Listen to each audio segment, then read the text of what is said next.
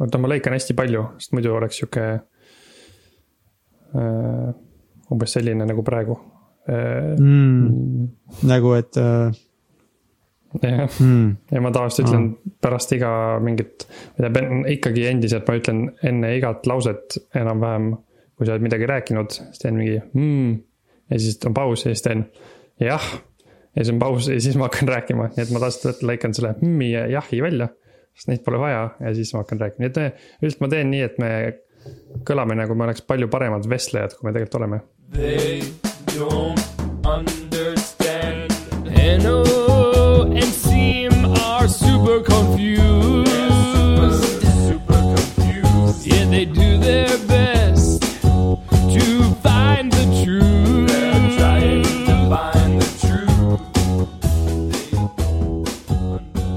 kas sa oled krüptorahast midagi viimasel ajal mõelnud või jälginud, mis sellega toimub mm,? ei ole, ei ole üldse.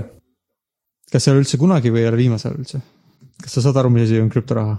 ma saan enam-vähem aru jah enam-vähem, ma ilmselt ei oska seda seletada mm,. no ma tean seda, et Bitcoin skyrocketis vahepeal.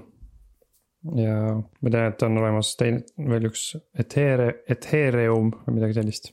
Aga ma eriti midagi rohkem ei tea, peale selle, et krüptoraha kasutavad need häkkerid, kes su lukku panevad arvutis kõik data ja siis tahavad sult krüptoraha, et nad selle siis jälle lahti teeks mm. -hmm, vist jah. ja et krüptoraha eest saab narkootikume osta netis mm. -hmm. ja palgamõrvasid tellida vist mm. -hmm. palgamõrvasid saab ka ja osta krediit, mingit data dump'e, inimeste paroole, asju mm midagi kasulikku, ma ei tea, kas saab teha, inimesed vist hullult tahetakse mõelda välja, et kas saaks midagi kasulikku teha, aga senile tundus, et midagi nii kasulikku oleks, et nagu sina või mina seda kasutada saaksime vist. seda tean ka, et see krüptoraha on negatiivse mõjuga keskkonnale, sest et see kulutab nii palju energiat. ja justkui noh, kui nagu eemalt vaadata, siis see on veits mõttetu, see kõik, see energiakulutus vist mm,. palju energiat kulub jah. nojah, ja põhimõtteliselt, no peamiselt vist krüptoraha praegu kõige suurem mõte on ikkagi selles, et inimesed põhimõtteliselt nagu investeerivad sellesse raha, on ju see on vist kõige suurem asi mida sellega tehakse. see on kõige sihuke, ma arvan, et see on kõige vähem mõttekas asi, aga see on võib-olla jah, kõige, millest kõige rohkem räägitakse. spekuleerimine pole nagu huvitav selles mõttes, et inimesed spekuleerivad ja, aga nad ise, ma ei tea, miks peaks spekuleerima krüptoraha väärtusesse, kui seal mingit nagu iseeneslikku väärtust üldse ei oleks mm. -hmm selles mõttes, et kui nii vaadata, siis on ju mõttetu kulutada tohutult palju elektrienergiat selleks, et spekuleerida tema hinna üle mm. ja siis kaubandusega. et teeme mingi asja, mingi abstraktse asja ja siis ostame ja müüme seda. või no samas, see kõlab nagu kunst aga see kunst ei kuluta nii palju energiat. aga ta point peaks vist olema ikka midagi muud kui äh, nagu spekuleerimine. nojah, on... no point peaks vist olema, et see on parem kui tavaline raha, sest see on nagu, keegi ei kontrolli seda otseselt ja ta on natuke anonüümsem, aga mitte anonüümne samas ta on vist see, et detsentraliseerimine on mingi filosoofiline asi sellel. Ethereumi muidugi kasutatakse mitte muude asjade jaoks ka, kui mitte ainult raha, vähemalt seal on need Äh, smart contract'id või äh, nutilepingud või nuti sulle ei meeldi, mis sõna sulle meeldis? sähk, sähkö, sähkölepingud. mis need lepingud on? ühesõnaga, sa saad teha siuksed, leping ei ole vist ka päris õige sõna, aga saad kirjutada pisikese programmi ja panna selle Ethereumi sellesse võrku ja see programm on siis, ta elab seal ja ta teeb seda, mis ta nagu on, mis seal programmis kirjas on täpselt ja sa, keegi ei saa mõjutada ja sundida teda midagi muud tegema et äh, ta on siis sihuke nagu siukse läbipaistvuse mõttes on vist, et näiteks kui on kõik Eesti riigi kinnisvara objektid oleksid Ethereumi sees, siis äh, ma ei tea, kas siis oleks notareid näiteks vaja või midagi sellist. aga samas ei saaks, keegi ei saaks neid, äh, sa teaksid täpselt, kellele kinnisvara kuulub. Või sa, või, või sa nagu vähemalt näeksid, kuidas kinnisvaratehingud lähevad. ja keegi ei saaks väita, et ta ei ole kellelegi midagi müünud, ma ei tea. see ei kõla vist väga veenvalt, aga no midagi sellist targad lepingud on ühesõnaga, kus sa saad kirjutada, kui on sellised tingimused seal võrgus, siis toimub selline asi. ja siis ta toimub vältimatult ja keegi ei saa mõjutada ja kõik inimesed saavad näha, jah, tõesti see toimus ja saad, saad näidata, et äh, midagi on juhtunud. okei okay., kuule, aga miks need, miks see, miks see krüptoraha nii palju seda energiat kulutab, mis värk sellega on? Nad kasutavad sihukest kaevandamise tehnoloogiat, mida nimetavad kaevandamiseks. selle point on äh, selles, et oleks raske et see on, et just, et see võrk oleks vääramatu või et võib-olla äh, hea, hea oleks rääkida ühel näitel, et kui sul on, äh, sinul on sinu krüptorahakotis viis krüptorahaühikut ja sa saadad selle viis krüptorahaühikut ühele kasutajale, aga siis täpselt samal ajal sa teeskled, sa tahad saata ka teisele inimesele ja siis mõlemad arvavad, oo, ma sain viis rahaühikut. aga et siis, et oleks selge, kes siis selle viis rahaühikut sai ja ei oleks ja mõlemale ei tunduks, et võib-olla nemad said, siis selle jaoks on vaja nagu üheselt otsustada, et, et, et mis selle rahaga juhtus või ei juhtunud. ja selleks, et üheselt otsustada, on küsimus, et kes see siis otsustaja on ja Bitcoini võrgus on tehtud nii, et otsustaja on see, kellel on kõige rohkem, põhimõtteliselt, kellel on kõige rohkem arvutusvõimsust, sellepärast, et nad on selle süsteemi teinud niimoodi, kes lahendab keerulist krüptograafilist ülesannet kõige rohkem ja kõige kiiremini. see saab nagu otsustada, et milline tulevik on see päris tulevik, mis on nagu kokku lepitud, millega kõik nõus on et, et põhimõtteliselt kogu võrk teab võrrelda, et kui midagi on juhtunud. Äh, et kui raha on kellelegi saadetud, siis see talletatakse sinna võrku. aga kui, kui sa samal ajal saad selle raha kuhugi mujale, siis võib see ka hetkeks nagu seal võrgus võib olla nagu kaks varianti, okei okay,, sa saatsid. tahad selle raha saata sinna, tahad teise kohta saata, kumb siis nagu see õige variant on et siis mingi hetk Bitcoini võrk otsustab, et okei okay,, et võtame kõik tehingud, mis on toimunud sellisel kujul, mis nagu on, mis ei ole nagu vastuolus üksteisega, nii et ainult üks nendest kahest läheb läbi ja talletab selle sihukese asja, mida nad nimetavad plokiks. ja selleks, et kinnitada see plokk, selleks on vaja teha neid krüpto, krüptograafilisi operatsioone. ja see, kes neid kõige rohkem on teinud, selle plokk nagu äh, muutub ülejäänud võrgule selleks nagu päris plokiks see muidu sina, sina, kui sa tahad väga, sa võid teha kaks plokki, sa võid teha ühe ploki, kus sa saadad ühele raha ja teisele raha. aga kui sa, kui sul on ainult väike lauaarvuti, siis sa ei saa neid plokki, kummalegi plokile väga palju nagu seda krüptograafiliselt äh, keerulist äh, operatsiooni tõestada, et sa oled teinud. aga kuskil mujal maailmas, Hiinas, kus on äh, inimestel suured spetsiaalsed Bitcoini kaevandamise riistvara ehitatud. Nemad võivad väga palju seda krüptograafilist operatsiooni teha ja nemad valivad ainult ühe sellest tehingust ja siis saab seal Bitcoini võrgus olema nagu kolm plokki, mis on nagu järgmise ploki kandidaadid, kaks tükki, mis tegid sina. ja see kolmas, mis tehti seal Hiinas, aga hiinlased näevad, et oo, siin on kaks tehingut, saate inimesele A ja B, nad valivad ainult ühe nendest. emma-kummas on nagu nende põhimõtteliselt otsustada. ja siis ülejäänud võrk usub nagu seda plokki, millel on kõige rohkem seda krüptograafilist kaalu. ja siis nagu mida aeg edasi läheb, siis nagu lihtsalt need vanad plokid jäetakse kõrvale ja keegi ei usu neid enam, sest et sellel nagu ausas suunas on see plokk kõige rohkem liikunud. kas ma saan õigesti aru, et kui mul on piisavalt võimas arvutite park, siis ma saan seda raha nagu teha endale või? seda raha teha ei saa, aga sa saad muuta tehinguid. aga kas ma, kuidas ma kasu saan sellest?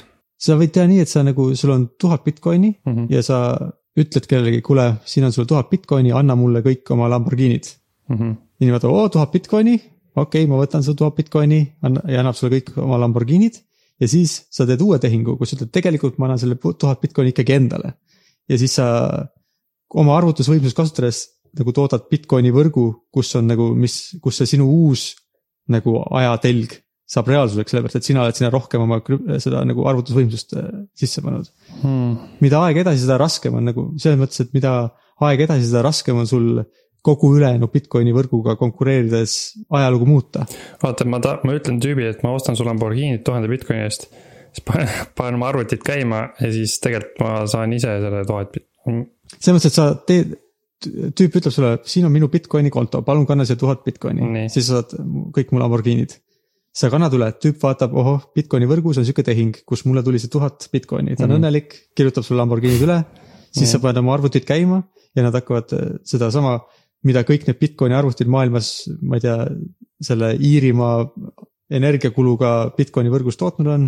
ma olen kuskilt kuulnud sihukest võrdlust, ma ei tea, kas see on päris, aga no väga palju elektrienergiat ja väga palju arvuteid on genereerinud, kui sul on nagu rohkem ja sa suudad neile nagu järgi joosta ja teha sihukese alternatiivse ajaloo Bitcoinist, kus sa kandsid selle tuhat Bitcoini lihtsalt endale üle või seda üldse ei, ei, ei kandnudki kuhugi üle siis sellel hetkel, kui nagu sinu see ajatelg on suurema arvutusvõimsusega ja suurema selle krüpto, krüptopusle lahendamisega jõudnud sama kaugele kui see teine telg, siis sinu telg saab reaalsuseks, siis Bitcoini võrk aktsepteerib sinu, sinu nagu ajalugu, mitte seda ülejäänud võrgu tehtud ajalugu.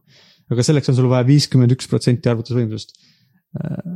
ja mida rohkem aeg edasi läheb, seda raskem on sul tegelikult seda veel saavutada hmm.. Hmm nii, aga kui ma tegin nagu, mul õnnestus see, mis sellest tüübist saab, kes arvas, et ta saab mult raha? ta ei saa raha, siis see raha kaob tema kontolt ära hmm.. kui ta seda raha on kulutanud, siis sa pead nagu selles mõttes, et sa pead siis, siis sa pead sellele oma ajateljel selle nagu Bitcoini ajaloo kuidagi ümber kirjutama, et see, kuhu tema oma raha üle kandis, sa pead siis need tehingud ka ära kaotama ja sa pead nagu. okei okay,, aga see on siis, kui mul oleks viiskümmend üks protsenti, aga, aga kui mul on nagu üks hästi võimas arvuti, kas ma saan, mis kasu mul sellest on? On üks hästi, kui üks hästi võimas arvuti kaevandab Bitcoini Äh, iga kord, kui üks plokk genereeritakse seal Bitcoini võrgus, et, et see nagu see ajalugu, ajaloo seis nagu talletatakse plokkidena vist umbes iga kümne kahekümne minuti tagant on üks uus plokk, mis nagu talletab, mis seis nagu, mis on vahepeal juhtunud nagu ja mis on nagu siis nagu ametlik ajalugu. Äh, siis iga selle ploki kaevandaja, see, kes selleks hetkeks on nagu kõige parema selle krüptooperatsiooni teinud, kõige rohkem, äh, nende plokk aktsepteeritakse võrku nagu samal ajal paljud proovivad seda teha, et see on. aga see, kellel nagu õnnestus selle kümne minuti jooksul kõige parem leida, see saab panna sinna plokki ühe siukse nagu tühjusest endale üle kanda raha teatud koguses, et see on. siis see, see põhimõtteliselt tekitab nagu juurde siis Bitcoini või, kui tühjusest mm. -hmm nüüd see alguses oli vist viiskümmend Bitcoini, see oli kakskümmend viis, ta vist iga mingi aja tagant ah, okay. läheb poole väiksemaks. okei okay,, et selles mõttes ta on ikkagi nagu kaevandamine, et sa üritad midagi oma arvutiga teha ja kui õnnestub, siis sa saad lihtsalt omale raha mm. -hmm. ja okay. ühtlasi Bitcoinis on see, kui sa raha üle kannad, siis sa, seal on nagu sihuke ülekandetasu, mille sa võid oma nagu. nagu sa kannad raha tühjusesse üle ja kes seda kaevandab, see võib kõik need tasud nagu ka endale võtta. et mm. vist idee on see, et aja, aja, aja jooksul see kaevandamise kogus peaks vähenema, aga kus seda Bitcoini võrku hakatakse kasutama nagu päris tehingute jaoks siis hakkavad need nagu need tasud olema see, mis neid kaevandajaid motiveerivad. see Lamborghini näide, mis me rääkisime, et kus peab viiskümmend üks protsenti olema nagu sellest võimust, see on nagu sihuke, seda ei juhtu kunagi sihukest asja. see on nagu sihuke abstraktne näide. no see on selles mõttes ei ole nagu, kuidas, kui keegi tahab, selles mõttes, et ma ei tea, kui suur see Bitcoin sul peab olema nagu kogu maailma Bitcoini kaevandusest arvuti, arvutitest põhimõtteliselt viiskümmend üks protsenti nagu see peab sinu käes olema või? nagu ühe tehingu tegija käes, et juhtuks sihuke. jah, ja sa pead, mitte see ei pea sul mitte lihtsalt ainult olema, vaid sa pead seda reaalselt ka kasutama, selles mõttes sul peavad olema kõik need arvutid ja sa kulutad kogu selle elektrienergia mm. -hmm. ja sa ei tee nende arvutitega midagi muud ja nii edasi. seda, selles mõttes, et seda juhtub väiksel skaalal kogu aeg. et mingis hetkes on Bitcoinis nagu võrk ei ole otsustanud, kumb plokk on parem. seda võib juhtuda nagu kogu aeg hetkeks, aga siis nagu järgmisel ajahetkel, kus genereeritakse järgmine plokk, mida nagu aeg edasi, seda, seda ilmselgemalt läheb üks nagu nendest harudest kaugemale kui teine ja siis teine jäetakse kõrvale hmm.. aga mõneks hetkeks võib juhtuda, kus on nagu mitu plokki, mis tunduvad, et on äkki parimad. ja keegi võib jätkata kaevandamist kas ühe haru peal või teise haru peal. See on ka minu arusaam sellest on muidu ausalt öeldes nagu mitu aastat vana, et võib-olla nad on vahepeal midagi natuke nagu täiendanud, mingid hmm., jälle mingid no, trikid. ma, ma vist saan peaaegu midagi aru nüüd, kui sa seletasid mulle. see, mul on ka sellega nii, et ma, ma ei tea, umbes kord aastas vist kuulen või loen midagi selle kohta, siis ma arvan, et ma vist peaaegu saan aru. ja nüüd, kui saaks mulle seletama, siis ma sain aru, et ma enam ei saa midagi aru.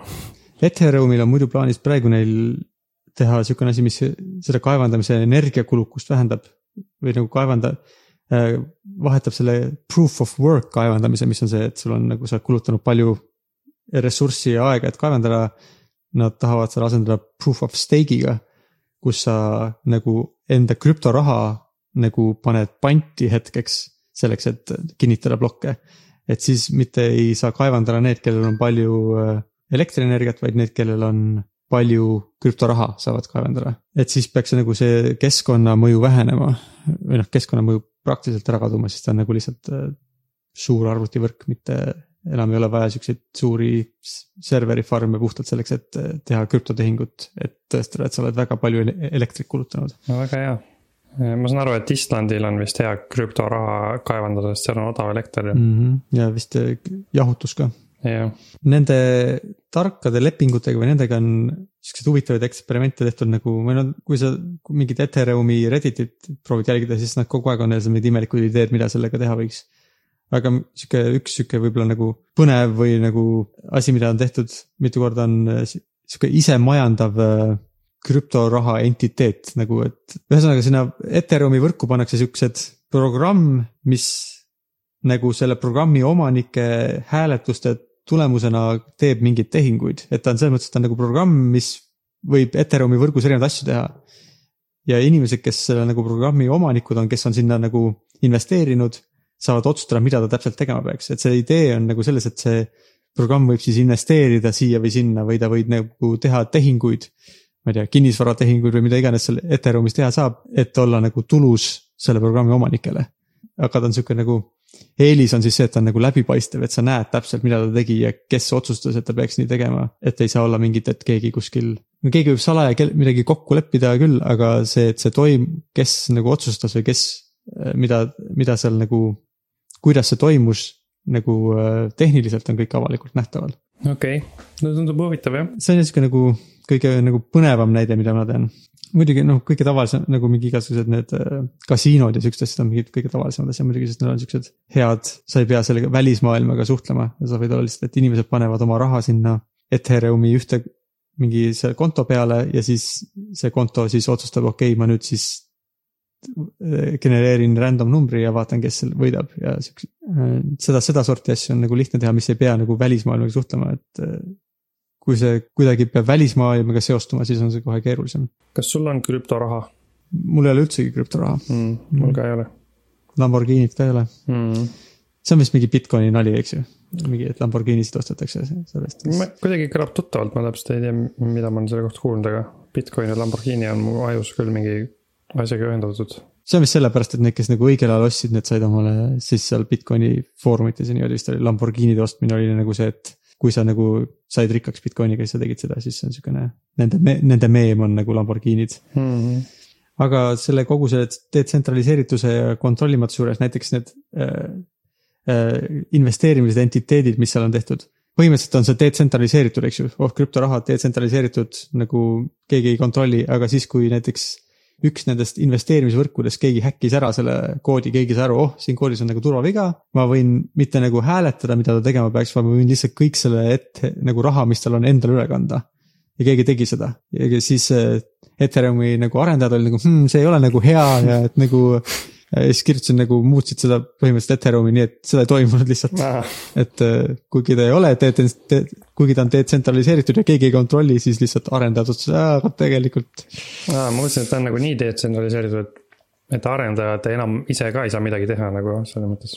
noh, selles mõttes nad arendavad tarkvara, mis mm. seda, siis nad võivad lihtsalt uue versiooni kirjutada, mis ütleb, et see üks asi, seda ei toimunud ja kui kõiki nagu inimesed, kes download ivad, on sellega nõus ja download ivad, siis siis sellest saab uus reaalsus mm.. et selles mõttes nad kontrollivad. see oli muidugi need nagu mõnes mõttes algusaegadel, et võib-olla ei olnud nii palju kasutajaid ja võib-olla sihuke beeta värk, et siis on võib-olla okei okay,, et arvatavasti, mida rohkem see nagu, seda reaalselt kasutatakse mingi nagu päris äh, investeerimispangad kasutavad seda mingite asjade jaoks, siis. Nad võib-olla ei download'i lihtsalt uut versiooni, mis otsustab, et mingisugused tehingud toimusid või ei toimunud mm.. ja eriti, kui see proof of uh, stake on, siis on ka, et kes on nagu kõige rohkem, kellel on kõige rohkem nagu raha Ethereumis, kes on sellesse kõige rohkem investeerinud, nemad saavad siis nagu otsustada, milline reaalsus on päris reaalsus Ethereumi võrgus, et siis nagu ka, et. et ei ole nagu nii, et see, kellel oli kõige rohkem riistvara, et kaevandada, otsustab, vaid otsustab nagu see, kes reaalselt seda võrku kõige rohkem kasutab või seda süsteemi kõige rohkem. siis see on nagu võib-olla natuke õiglasem ja on raske, raskem siukseid nagu ebaõiglaseid tsentraliseeritud otsuseid teha, sest et lihtsalt kasutajad keelduvad seda uut versiooni kasutamast ja teevad midagi muud. kas neid, äh, me räägime Bitcoinist ja Ethereumist, aga neid on vist väga palju või, krüptorahasid või mm? -hmm. Ethereum on siukene, ta on sihuke alusvõrk, aga seal sinna peale saab, põhimõtteliselt Ethereum on natuke nagu programmeerimiskeel ja siukene äh, üle maailma suurune arvuti, mis seda käivitab, siis sinna peale on ehitatud väga palju erinevaid teisi krüptorahasid, mis on nagu Ethereumi võrgus toimivad mm,. Okay. see on üks asi, mis oli nagu väga suur, väga ICO oli mingi, initial coin offering oli mingi teema, mis kogu aeg äh, nad seal korraldasid ja proovisid müüa mingisuguseid coin'e Ethereumis. ja teeni-, mõned inimesed teenisid väga palju raha sellega jällegi ja muidugi on Bitcoin ja Ethereum ja siis on veel igasuguseid siuksed nagu Bitcoini võrgu analoogeid, äh, mingid altcoin'id, äh, mis on nagu Bitcoini laadsed, aga mingisuguste ühe või teistsuguste muudatustega. Neid on ka kümneid või sadu kindlasti näiteks äh, mingi Dogecoin on väga kuulus, mis oli tehtud, kuna ta nimi on Dogecoin, siis ta on ilmselgelt nagu nali. aga samas tal on teatud aegadel on vist päris, ta on suhteliselt väärtuslik olnud. et äh, kellegi krüptoraha anekdoodid on nagu ootamatult tööle hakanud ja hmm,. ma mäletan jah, kui see oli uudistes, siis ma mõtlesin, et see on vist nali. aga siis hiljem ma saan aru, et see vist on päris valuuta mm.. ma ei tea, mis Dogecoin praegu väärt on, see väga palju. vaatame, mis ta viimase aasta jooksul teinud on, aasta jooksul on üsna stabiilne olnud. üks Dogecoin on umbes null koma null null kaks või null koma null null kolm äh, sihukest äh, rahaühikut väärt, aga ta on seda väärt olnud umbes aasta aja jooksul võrdlemisi stabiilselt, nii et kui sul on vaja, ma ei tea, miks sa peaksid seda kasutama, aga. ma ei tea, sa, sind huvitab see krüptoraha teema või? mind huvitab see jah, see eriti Ethereum on nagu cool im, sest et seal on see sihuke, ta on nagu üldisem, et ei ole nagu krüptoraha ainult, vaid ta on just, et ta on sihuke nagu dist-, nagu ülemaailmne suur arvuti, mis kõigi silme all käivitab mingisugust programmikoodi mm. -hmm see tundub jah huvitavam. see Bitcoinil on ka tegelikult, ta ei ole nagu puhtalt krüptoraha, tal on ka sihuke väikene pisikene programmeerimiskeel sees, mille abil otsustada, millised tehingud on õiged ja mis ei ole. aga Ethereumi see kood on meelega tehtud nagu, et ta võimaldab keerulisemaid asju teha mm.. samas kui Bitcoin on nagu pigem see, tema see programmeeritavus on täpselt niimoodi tehtud, et oleks võimalik äh, ainult selle Bitcoini äh, raha üle otsustada, kelle käes see on. et Ethereum on natuke üldisem, seal on näiteks, kui sa et Bitcoinil on vist mingisugused piirid, et kui palju sa võid koodi jooksutada, samas kui Ethereumil on see, et sa jooksutad selle koodi, siis sa pead selle eest maksma äh, oma Ethereumi rahaga. et kui sa tahad väga palju, väga keerulist asja teha, siis see on okei okay,, sa pead lihtsalt siis selle eest tasuma. Nad ei ole nagu sihukeseid piire seadnud, mida sa võid seal võrgus teha mm. -hmm aga ma lihtsalt ka ei tea, mis on äh, nagu aastaid, mis on see krüptorahad on eksisteerinud, inimestel on igast nagu fancy'd ideed, mida sellega teha võiks. ma ei ole nagu siiamaani kuulnud, et keegi oleks midagi väga cool'i teinud, siis sellest on nagu, kas see tähendab, et on midagi väga keeruline midagi cool'i ja kasulikku teha.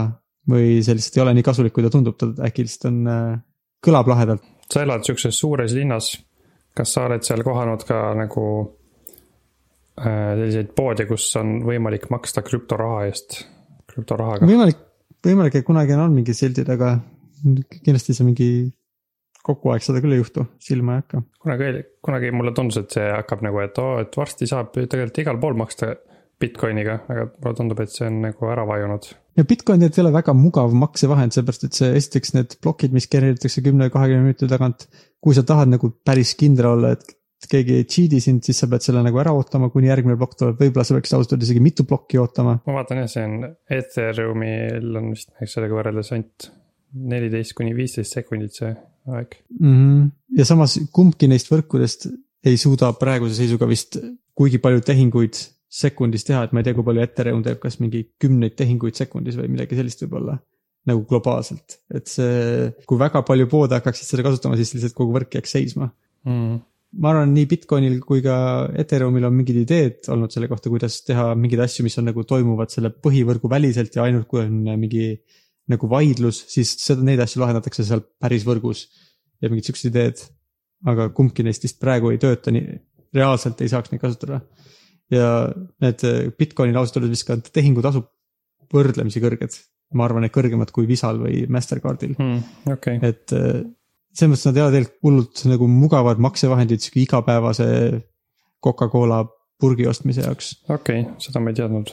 pigem nad on äh, praegu võib-olla on head sihuke nagu haruldaste tehingute jaoks nagu, et sa tahad ühest riigist teist raha üle kanda või, äh, või ehk kinnisvara osta või mingite sihukeste asjade puhul on võib-olla kuidagi.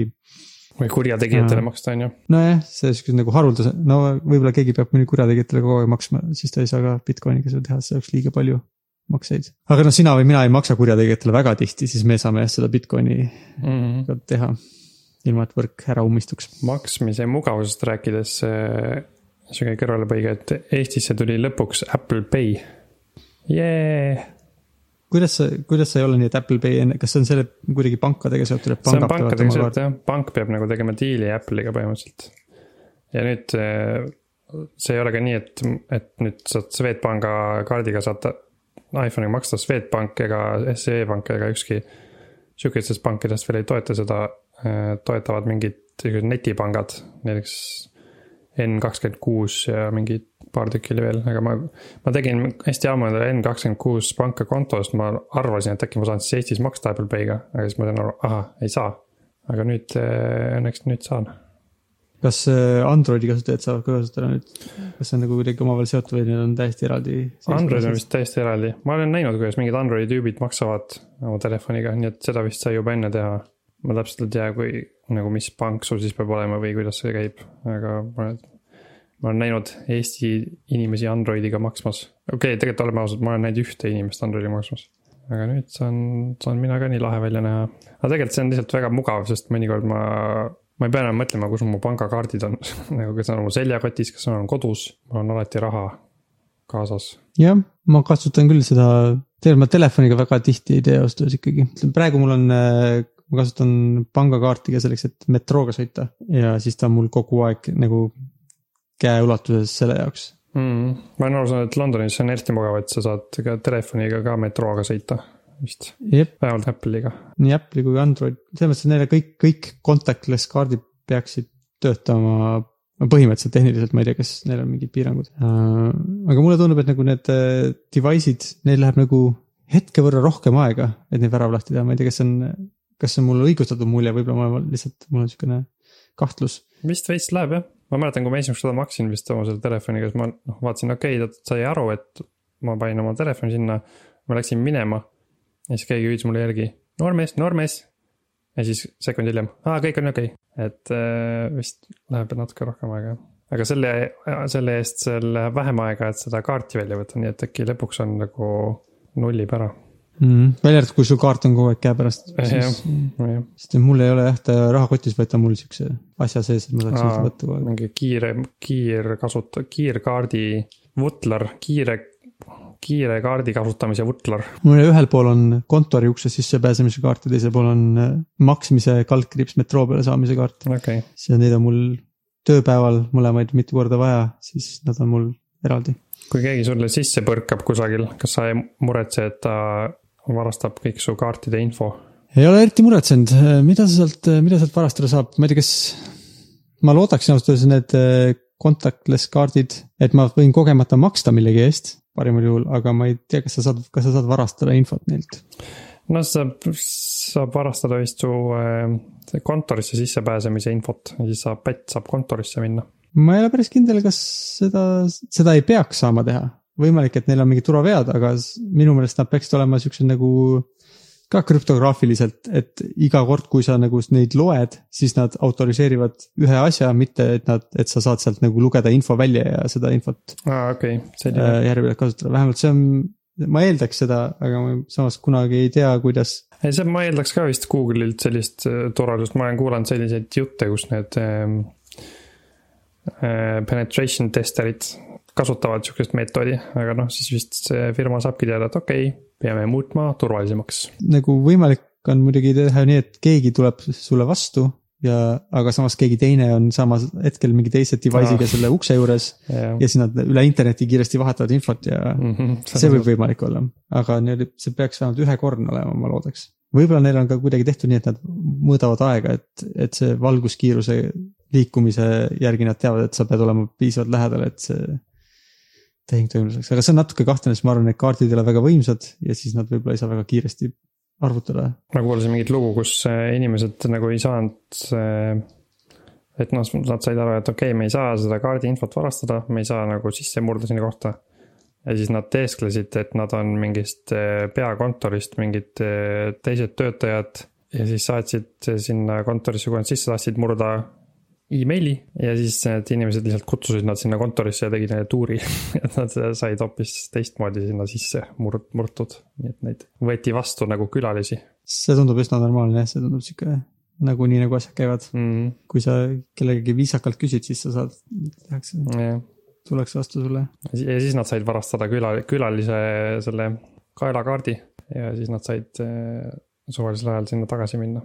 minu meelest äh, jah sihuke, sihuke inimeste manipuleerimine on tunduvalt lihtsam kui tehniliste süsteemide manipuleerimine, vähemalt äh, äh, sihukeste suunatud rünnete jaoks. jah, ja seda on vist raskem ka nagu töötajaid on vist natuke keeruline koolitada, et äh, sa pead nagu kogu aeg olema valvel ja teadlik, et sa pead üle kontrollima kuskilt peakontorist, et kas keegi tegelikult ka tuleb mulle külla ja vaatama, ma ei tea e, email, emaili aadressi uuesti üle või küsima, nojah, see tundub nagu inimesi on raske vist treenida. et nad oleks kogu aeg e, valvsad selliste ja asjade ma ei tea, see on ka sihuke, kui palju sa tahad, et töötajad omavahel kasutaks sihukest nagu kahtlustaks üksteist kogu aeg ja jah, jah, jah, seal oli ka seesama lugu oli ka selline, et seesamad inimesed, kes siis seda testisid, seda turvalisust, need, nad vist nagu kasutasid kuidagi ära mingi inimese head, nagu sihukest head poolt, kes tegeles mingi heategevusega. mm,. ja nad vist nagu valetasid talle, et me tahame tulla vaatama su suurepärast heategevusprojekti ja siis. ja siis üks neist nagu ka, nagu kogu aeg oli, tal oli hullult kehv tunne, sest et äh, ta teadis, et nad nagu valetavad sellele inimesele ja siis pärast ta saab teada ja siis on nagu, aga samas ta kogu aeg ütles endale, et aga kui ma oleks päriselt paha inimene, siis ma teeks seda samuti ja siis päriselt paha inimene tulevikus ei saa nii teha. et sihuke psühholoogiliselt on mõndadel vist raske nagu nii, nii palju valetada inimestele. Mm. ma loodan, et see heategevusega seotud inimene sellepärast ei saanud äh, töö juures negatiivset, negatiivset äh, tulemust mingisugust. jah, see on, on olnud siukseid jutte ka, et äh, see on eriti halb, kui see firma siis pärast loeb seda raporti ja siis äh, vallandab selle inimese, kes, kes niimoodi tegi, selle asemel, et teha nagu koolitada ja turvalisemaks teha. aga see konkreetne inimene, tal läks kõik hästi, tal need inimesed, kes testisid seda asja pärast, kirjutasid ise nendele päris inimestele, keda nad fake isid. Et kuule, et äh, neil on väga hea, heategevuslik projekt, et minge nagu aidake neid ja siis nad aitasid neid päriselt, nii et see läks hästi. mm.. jah, tundub jah, nagu mingi bürokraat võiks mõelda küll nii ah,, aga probleem on ju see, et Urmas lasi nad uksest sisse, see on ju väga lihtne probleem lahendada. ma tean, kuidas seda teha. Urmas ei oska asju teha. tšau, Urmas. see ongi ju koolitus, teised inimesed näevad, et Urmas lasti lahti ja nad siis teevad omad järeldused sa oled Mr Robotit näinud, on ju? mm. -hmm. Mul on olnud hästi meelde, et seal see, kus see peategelane Elliot läks ka kuskile, päriselt kuskile kohta sisse, teeskles, et ta on mingi inimene ja siis põhimõtteliselt hävitas mingi tüübi enesehinnangu äh, seal kuskil koridoride peal äh, selle mõttega, et ta laseks teda kuskile uksest sisse. nagu ta enne uuris selle inimese kohta, et mis talle meeldib ja kui üksildane ta on ja mis, mis äh, teda haavaks väga palju. ja siis ta lihtsalt murdis ta sõnadega maha Mm. see on mulle nii hästi meelde jäänud, sest nii kahju oli sellest inimesest. ma üldse ei mäleta seda kohta, aga see tundub või no ma ei mäleta vähemalt hästi, see tundub veidik, kas ta teeskles, et ta on mingisugune nagu boss ja umbes tegi maha talle, et on täiega halb või midagi no vist sellist. tõesti jah, et on mingi boss kuskilt mujalt tul- tulnud sinna, et ta peab teda laskma nagu mingi kuskile sisse. Mm -hmm. ma ei täpselt mäleta jah, see tüüp oli sihuke natuke ülekaaluline ja natuke, talle meeldisid mingid koerad väga, ta oli kindlasti nagu tal ei olnud partnerit ja siis ta, ta kuidagi oskas teda nagu põhimõtteliselt nutma panna ja ta sai nagu siis, kuhu ta tahtis. aga ega Elliot, Elliotil ka ei olnud hea tunne seda teha, talle ei meeldinud seda teha. aga oli vaja mm.. ja ma, ma olen seda Mr Robotit pisut ammu vaadanud, ma ei mäleta sealt eriti, seal vist tundus, et siukesed äh, sissemurdmise teemad olid üsnagi realistlikud vähemalt äh. no nii palju, kui ma lugesin selle kohta, siis seal vist olid äh, nagu head konsultandid, et, et ei tunduks kuidagi imelik miski. ma seda vaadates mõtlesin ka, et seal on nagu palju ka näidati igasugust nagu command line'i, ma mõtlesin, et kas sa vaatad seda ja mõtled, jaa, õige, kõik on õige, väga hea. ma ei mäleta, mis seal command line oli, väga halb ei saanud olla, aga ma ei, ma ei mäleta, sest ma ei saanud millestki aru, mis ta seal kirjutab. Six ways Mr Robot is putting Linux in public eye, küllap siis oli. see on huvitav seriaal, ma tahaks, et Saamur oleks juba äh, suht äh, vana ja et, et temaga koos seda uuesti vaadata. aga võib-olla talle tundub see siis nagu ma ei tea, vaataks mingit, umbes nagu ma vaataks, praegu ma ei viitsiks mingi Kevadet vaadata nalja pärast uuesti. tegelikult võib-olla nüüd ma viitsiks, aga et võib-olla asjad muutuvad kiiresti vanaks ja siis meie lastele tunduvad need nagu igavad. mm.. kas sa oled Eliisega mingit, midagi vaadanud, mis sulle nagu meeldib Hmm. või oled ikkagi vaadanud praegu asju, mis talle meeldivad temaga koos? Pigem ikka vist, mis talle meeldivad jah, sest me oleme, no mulle meeldivad ka mõned asjad, mis talle meeldivad. no sellel tasemel, et me käisime Wreck-It Ralphi vaatamas, mis on äh, internetist ja see, see meeldis mulle küll natukene äh,. aga vist ei ole jah, midagi väga, ma kunagi proovisin temaga vaadata seda Adventure Time'i, aga see on sihuke, see on ka ikkagi üsnagi lähtuvalt sellest, et see võiks äkki talle natuke meeldida ja mulle ka natuke meeldib. mm. -hmm. kas sa oled Adventure Time'iga tuttav? ma ei ole eriti tuttav, ma olen, ma arvan, et ma olen kuskil, kuskil see on käinud ja ma olen vaadanud ja aru saanud, et missugune see umbes on, aga ma ei ole seda vaadanud nii palju, et ma, et kas, et ma saaks aru, et kas mulle see meeldib või mitte Hmm. ta tundub sihuke, tundub sihuke pöörane.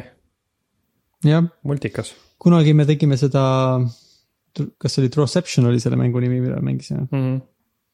ma kujutan ette, seal oli omajagu joonistada mõnikord või ma ei tea, kas just väga palju, aga aeg-ajalt võib-olla oli vaja Jake'i või Finni joonistada. Seal oli küll mingit sellist teemat jah, seal oli üldse erinevaid popkultuuri asju, mida, mida ma ei teadnud eriti, siis ma pidin guugeldama, et ma joonistaks enam-vähem õige asja. Transception oli päris lõbus.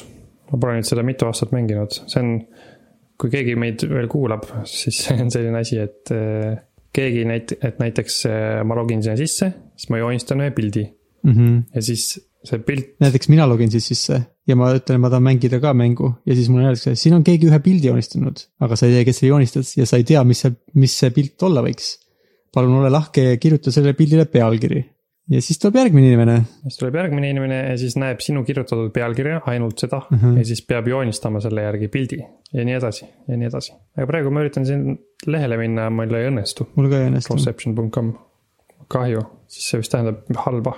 Võib-olla on ajutiselt. Cloudflare kurtis, et ta ei saa ühendust, siis võib-olla on nende serveritega midagi halvasti. sest et Google veel vähemalt äh, näitab erinevaid, et on teadlik, et seal on kunagi olnud mingi leht. sellest oleks küll kahju, kui see kõik, no ma ei tea, kui hirmus kahju, aga noh, et natuke kahju, kui see kõik kaduma läheks. Internetis aeg-ajalt on siukseid, on midagi lahedat või cool'i ja siis keegi võtab mingi saidi maha ja siis kõik see lahe ja cool asi kaob ära. Hmm, ma pole eriti sihukest kogemust kogenud, ma, ma tean seda nagu toidupoodidega, mingi lahe ja cool toidukaup on ja siis järgmisel päeval enam pole hmm,. mingi currently down.com ütleb mulle, et Drawceptioniga on kõik korras. nojah, ma igatahes praegu ei saa, võib-olla kunagi lähen joonistan ühe pildi. mm. -hmm. see oli sihuke päris naljakas sait vist, põhimõtteliselt oli nagu, ma ei tea, kas ta oli nagu alati väga naljakas, aga no natuke sihuke nagu. minu arust sellega oli see sarnane asi nagu Redditis scroll imisega, et eh, mõnikord tuli mingi hullult lahe asi, aga nagu noh, et ma mäletan, et ma mängisin seda sellepärast, et, et ma ootasin seda lahedat asja või lahedat eh, võimalust.